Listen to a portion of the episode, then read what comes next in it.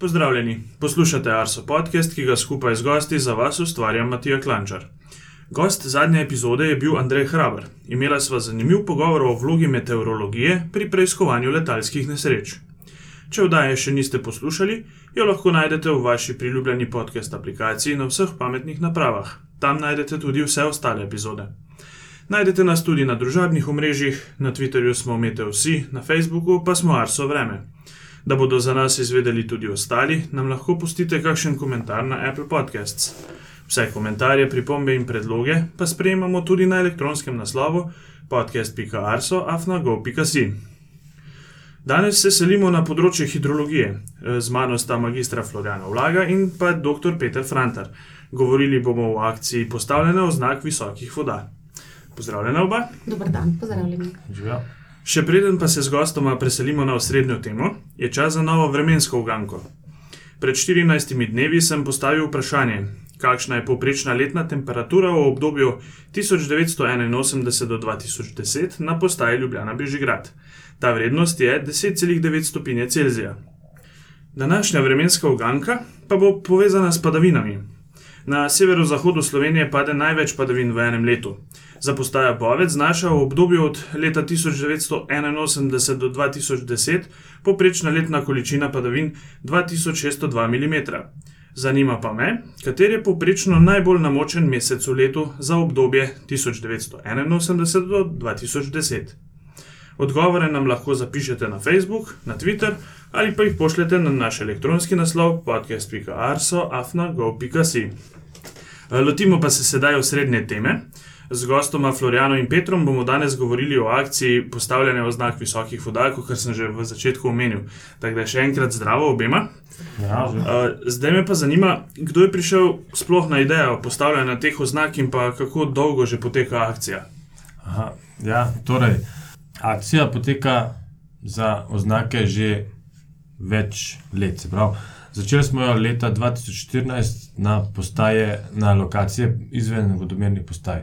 Na samo idejo o postavljanju oznak visoke vode na lokacije vodomernih postaj pa je Arso to delal že pred kakimi desetimi leti. In na osnovi te ideje, so, ko so to videli naši kolegi geografi, so nas pozvali, če bi lahko postavili te oznake, oziroma kakšno podobno oznako, tudi izven lokacije vodomerne postaje.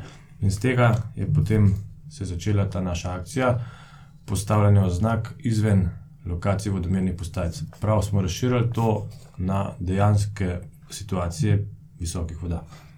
Uh, lepo si omenil v bistvu že navezavo na moje naslednje vprašanje, ki je bilo, ali so kakšno takšno akcijo izvajali že v preteklosti. To se pravi, da smo to bili kot Arso udeleženi v tem, a ne, Floriana? Ja, akcijo, kot rečeno, je že začela agencija pred leti z nameščanjem oznak na vodomernih postajah, torej ob vodotoku. No, od leta 2014 pa jo nadaljujemo tudi na lokacijah izven vodotoka, torej na kraških poljih, na poplavnih ravnicah. In zaradi tega ima tudi ta akcija zdaj večjo razsežnost, ker vključuje ne samo merjene podatke, ampak tudi zabeležene. Kaj pa je glavni namen te akcije? Glavni namen je pa nedvomno ozaveščanje. Ozaveščanje javnosti, če pogledamo v slovar slovenskega knjižnega jezika, ozaveščanje pomeni ne samo seznanjanje z neko situacijo, ampak tudi prejemanje oziroma sprejemanje neke odgovornosti do stvari ali ljudi. Torej, ozaveščanje, torej nalaganje neke odgovornosti posameznikom o dejstvu, da voda zase potrebuje več prostora, kot smo ga občasno pripravljeni nameniti. Lahko bi dodali tukaj, da v bistvu to, da voda potrebuje zase svoj prostor, v bistvu to je že staro spoznanje, ki pa ga je nekako v prakso pravno bolj zavezala vodna direktiva in pa poplavna direktiva. Ne. Ta akcija je pravzaprav izvajanje poplavne direktive, a ne, s tem z enim od ukrepov, in to je en ukrep na podlagi direktive, ki nam to tudi nalaga. Kako pa zdaj sploh poteka ta namestitev oznake visokih voda? Kako pride do tega, kako se lokacija izbere ali pa karkoli? No, že prej sem omenila, da je to pravzaprav zabeležena uh, visoka voda. a ne. Torej, lokacijo se zbere tako, da ljudje nekako soglašajo s tem, da uh, želijo to informacijo podati tudi drugim, ne samo, da je to njihova informacija. Torej, mi se najprej se povežemo s prebivalci območja, ki je bilo poplavljeno. Ponavadi se lotimo tega na način, da kar kontaktiramo šole oziroma kakšna društva iz tistega območja. Šole zato, ker so otroci, pač, ki tam živijo, ponavadi najbolj seznanjeni z dogodki, in seveda društva, kakšno gasilsko društvo ali pa ribiško društvo, so tudi udeleženi v procesu samega reševanja pred poplavami. Recimo, torej, mi se najprej povežemo z njimi, potem pa seveda tudi z lokalno skupnostjo, z občinami, in v nadaljni fazi iščemo lastnika stavbe, ki bi se strinjal s tem, da to tablico tam namestimo. Ja, v bistvu, bistvo akcije je sodelovanje lokalne skupnosti, se pravi, pristop od spodaj na vzgor. Ne, ne, ne da država kot taka nekako določa, kje so poplavna območja, ampak da prebivalstvo samo se zaveda teh poplavnih območij in da lokalna skupnost in lokalno prebivalstvo samo da pobudo, to večinoma zdaj v zadnjem času kar tako poteka, da sami dajo pobudo za namestitev oznake visoke vode. In ta oznaka je namenjena temu, kot je že povedala Floriana, da se spomin ohrani na visoko vodo in da se ve, da voda res potrebuje tam občasno, mogoče na pet let, mogoče na deset let, mogoče na sto let, tam svoj prostor. Um, zdaj me pa v bistvu zanima, kako sploh ugotavljate, kdaj pa do katere višine je potem najviše segla neka poplavna voda na teh, na teh objektih. Ali si pomagate z nekim slikovnim gradivom, mogoče, mislim, si, no, da je eno izmed uh, teh stvari tudi kakšna slika. Ja, ta gradiva so lahko slike, lahko so v bistvu pa tudi same fizične oznake, ki, ko ljudje sami uh, označijo tisto višino in se potem tej višini prilagodimo. Ne. Tako da uh, ne gre tukaj toliko za točnost oznake, kot za v bistvu samo oznako, ki opominja na ta dogodek. Ne, ne bo se noben tam. Uh, na lokalnem nivoju, po domače, sekiral za plus minus 5 cm, tisto znak, ampak ve se, da je nekako tam voda blane. Ja, no, to je. Da... To je zabeležena višina vode, ni izmerjena. A ne izmerjena v smislu, je že zato, ker je nekdo tam morda celo meril. Res smo imeli primer na gradu Snežnik, kjer, so, um, kjer je bil prav namenoma je hodil nek gospod, tam opazovalec, spremljati, kako ta voda narašča v visoki poplavi, in je takrat na nek način tudi meril. Vendar v principu gre to za zabeležbo, kot je Peter omenil, dokje približno voda seže in kaj zdaj to pravzaprav pomeni za okolico tiste stavbe. Ne, na ta način potem ozaveščamo javnost, da je treba paziti, kaj počneš vo na vodnem prostoru. Ne. Eh, koliko teh oznak ste pa v tem času, od leta 2014, kot ste omenili, uh, tudi postavili? Zdaj smo prišli že nekako do 58 oznak, bom rekla tako. Uh, smo kar zadovoljni, zato ker akcija traja od leta 2014. Uh, pač ljudje nas zdaj že kar sami nekako pozivajo, če, da so pripravljeni sodelovati, lokalne skupnosti so pripravljene sodelovati. In uh, teh oznak bo vsak čas 60 kar se nam zdi kar, kar lep dosežek, zlasti zato, ker seveda v hribovitih delih Slovenije pač teh oznak ne nameščamo. Ne? Uh, tako da ja, smo, smo kar blizu uh, lepe številke. No. Mhm. Ja, tukaj bi lahko dodal kot zanimivost to, da marsikakšna oznaka, nekaj oznak ne imamo tudi takih, kjer so po dve oznaki na isti lokaciji. Ne? Ker je recimo v zadnjem primeru ravno tale oznaka v Izoli, kjer smo pred tremi leti namestili oznake za dogodek iz leta 2008. Lansko letna, novembrska visoka voda morja pa je bila še višja, se pravi, smo v bistvu samo dodali oznako. Torej, in teh dogodkov, sploh poplav morja, recimo, se samim višanjem gladine morja in pač višanjem, pač vplivom podnebnih sprememb, to zabeležimo. Ja, ja, to se povečuje. O, o tem smo že tudi govorili v našem podkastu z Matjažem Ličerjem. Uh, drugač pa, imate vse te oznake verjetno tudi izbrane na enem mestu, na enem zemljevidu, mogoče kje lahko najdejo to naši poslušalci? Ja, uh, oznake smo nekako zabeležili in jih dodali v enega od slojev voda na atlasu okolja. Torej na, na atlasu okolja, pod zavihke vode, se najde tudi te oznake, ki so nameščene in želimo dodati tudi vsako novo oznako, in seveda pozivamo, da k uporabi, torej morda kot, samo kot študijsko gradivo ali pa tudi za kakšne strokovne podlage. Ja, te zadeve, v bistvu, z Atlasa okolja dobite lokacije, imamo pa tudi na straneh naših sodelujočih partnerjev, se pravi Zveze geografov Slovenije, objavljena tudi ta postopek, pa navodila, pa določene akcije so tam objav, objavljene. Torej, da imamo nekako javno dostopne osnovne informacije o sami akciji. Oba sta že omenila drugače, da javnost že sama na nek način poziva, da recimo pridemo postaviti kakšno izmed teh uh, označb. Me pa zanima, če je mogoče kakšna anekdota, ne vem, da se pa nekdo ni strinjal, kaj takega.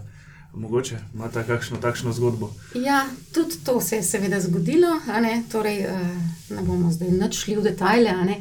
Pač smo se dogovorili z, z občino in s šolo in z lastnikom stavbe, da bomo postavili na, njihovi, eh, na njihovem pač objektu, gospodarskem objektu, to tablico.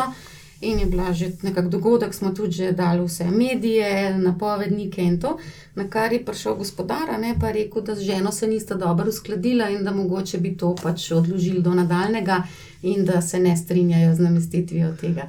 Torej, pač en tak tipičen pokazatelj, da se občasno premalo pogovarjamo, tako eh, v družini, kot seveda tudi ob plavah. Mhm. Peter, imaš ti tudi mogoče kakšno zgodbo? Hm, Ne, jaz v bistvu, te zgodbe so, mislim, meni se zdi zanimivo ravno to, kar je bila. V bistvu smo ta dogodek na Loškem polju, oziroma tam na tem kraškem polju, ki ki smo raven imeli dogodek, oziroma raven smo namestili tablico za eno Visoko- visoko vodo prejšnjega leta. Ne? Mhm. V bistvu in en teden ali 14 dni kasneje pa je bila tudi ta tablica zalita za en meter. Ja. A Ne, v bistvu tam smo pa Ponovila akcijo. ponovili akcijo. Mhm. Uh, mogoče je zdaj malce pogled v prihodnost, kako dolgo oziroma koliko oznak še imate namen postaviti. Čim več. Ja, Ja. tuk, tukaj ni omejitve. Ne, v bistvu, tudi noč ne želimo, da se pos, te oznake postavljajo tako kampansko. Mi želimo, da akcija teče, ker v bistvu s tem so povezani dogodki in uh, dogodki pač sami uh, v bistvu kotelijo akcijo naprej. Če, če bi nared, lahko bi pa naredili projekt, pa bi recimo postavili tisoč oznak po vsej Sloveniji, ampak to je enkraten dogodek in to ni namen te akcije. Na, namen akcije je ozaveščanje in nekako osveščanje prebivalstva. Tako. In s tem, ko sem rekla čim več, a ne, kot je Peter povedal, želimo, da so res vsi ozaveščeni in vsi prevzamejo svoj del odgovornosti do tega pojava, zdaj pač s klimatskimi spremembami spremenjenega.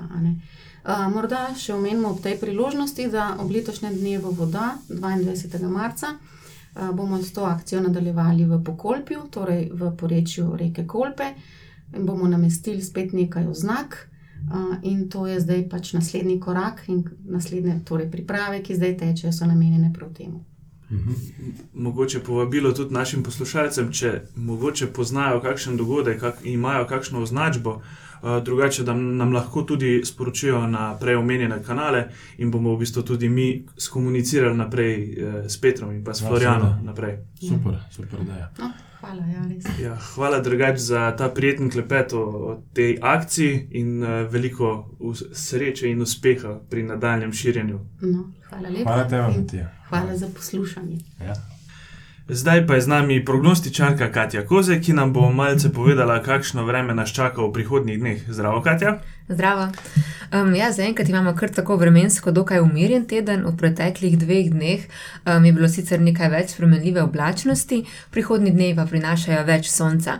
Namreč nad južno polovico celine in sredozemljem se je vzpostavilo šibko območje visokega zračnega tlaka, vremenske motnje pa se pomikajo proti vzhodu severno od Alp, tako da je vzpostavljen tako imenovan zonalni tok z zahodnimi vetrovi v višinah.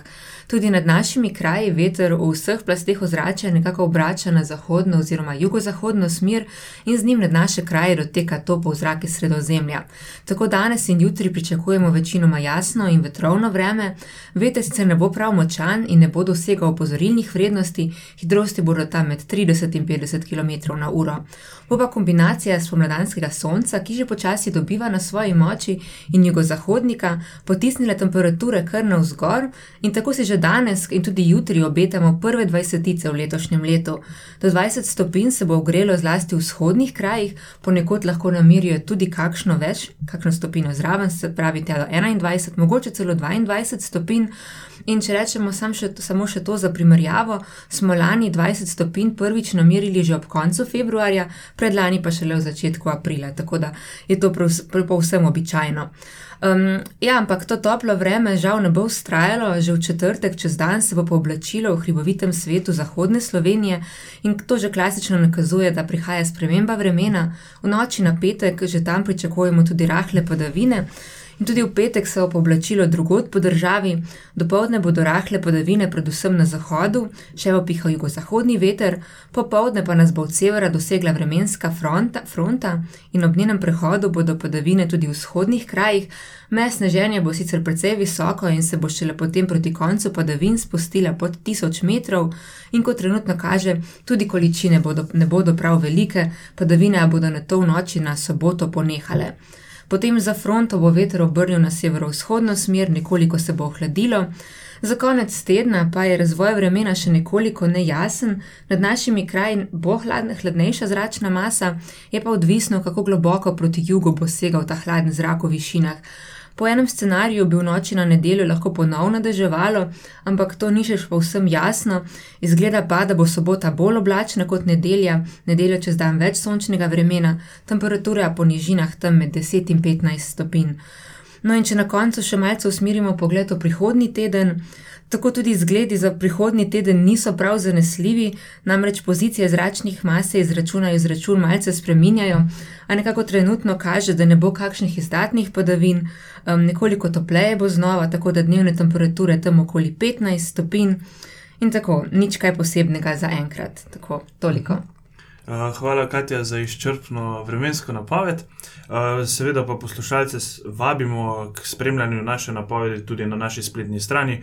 Prav tako pa smo eh, linke do na naših napovedi in do obetov pripeli tudi k tem podkastu. Hvala, Katja, še enkrat. Hvala tudi tebi. Podcast pa bomo zaključili z vremenskimi zanimivostmi iz prvega tedna v marcu, torej od 1. do 8. marca. Najvišja temperatura je bila izmerjena na postaji Dobliče pri Črnomlju, 3. marca smo izmerili 18 stopinj Celzija. Najnižjo temperaturo smo izmerili 4. marca na postaji Kredarica, temperatura se je spustila do minus 13,6 stopinj Celzija. Najhitre, najhitrejši sunek vetra smo izmerili na postaji Ratitovec, 2. marca je pihalo s hitrostjo 105 km/h. Največ padavin v enem dnevu je v obdobju od 1. do 8. marca padlo na postaji Zadlog, 2. marca smo izmerili 129,8 mm padavin. Za konec pa še podatki o najbolj sončnih postajah. V celotnem obdobju enega tedna so največ sončnih ur zbrali na postaji v Murski soboti 33 ur in 14 minut. Najbolj sončen dan pa je bil 8. marec, ko je na postaji Slavnih sonce sijalo 11 ur in 1 minuto. Z vremenskimi zanimivostmi smo 34. epizodo Arso podcasta pripeljali do konca. Hvala vam, dragi poslušalci, za poslušanje in pozornost, obilo lepega vremena do naslednjič in se slišimo čez 14 dni.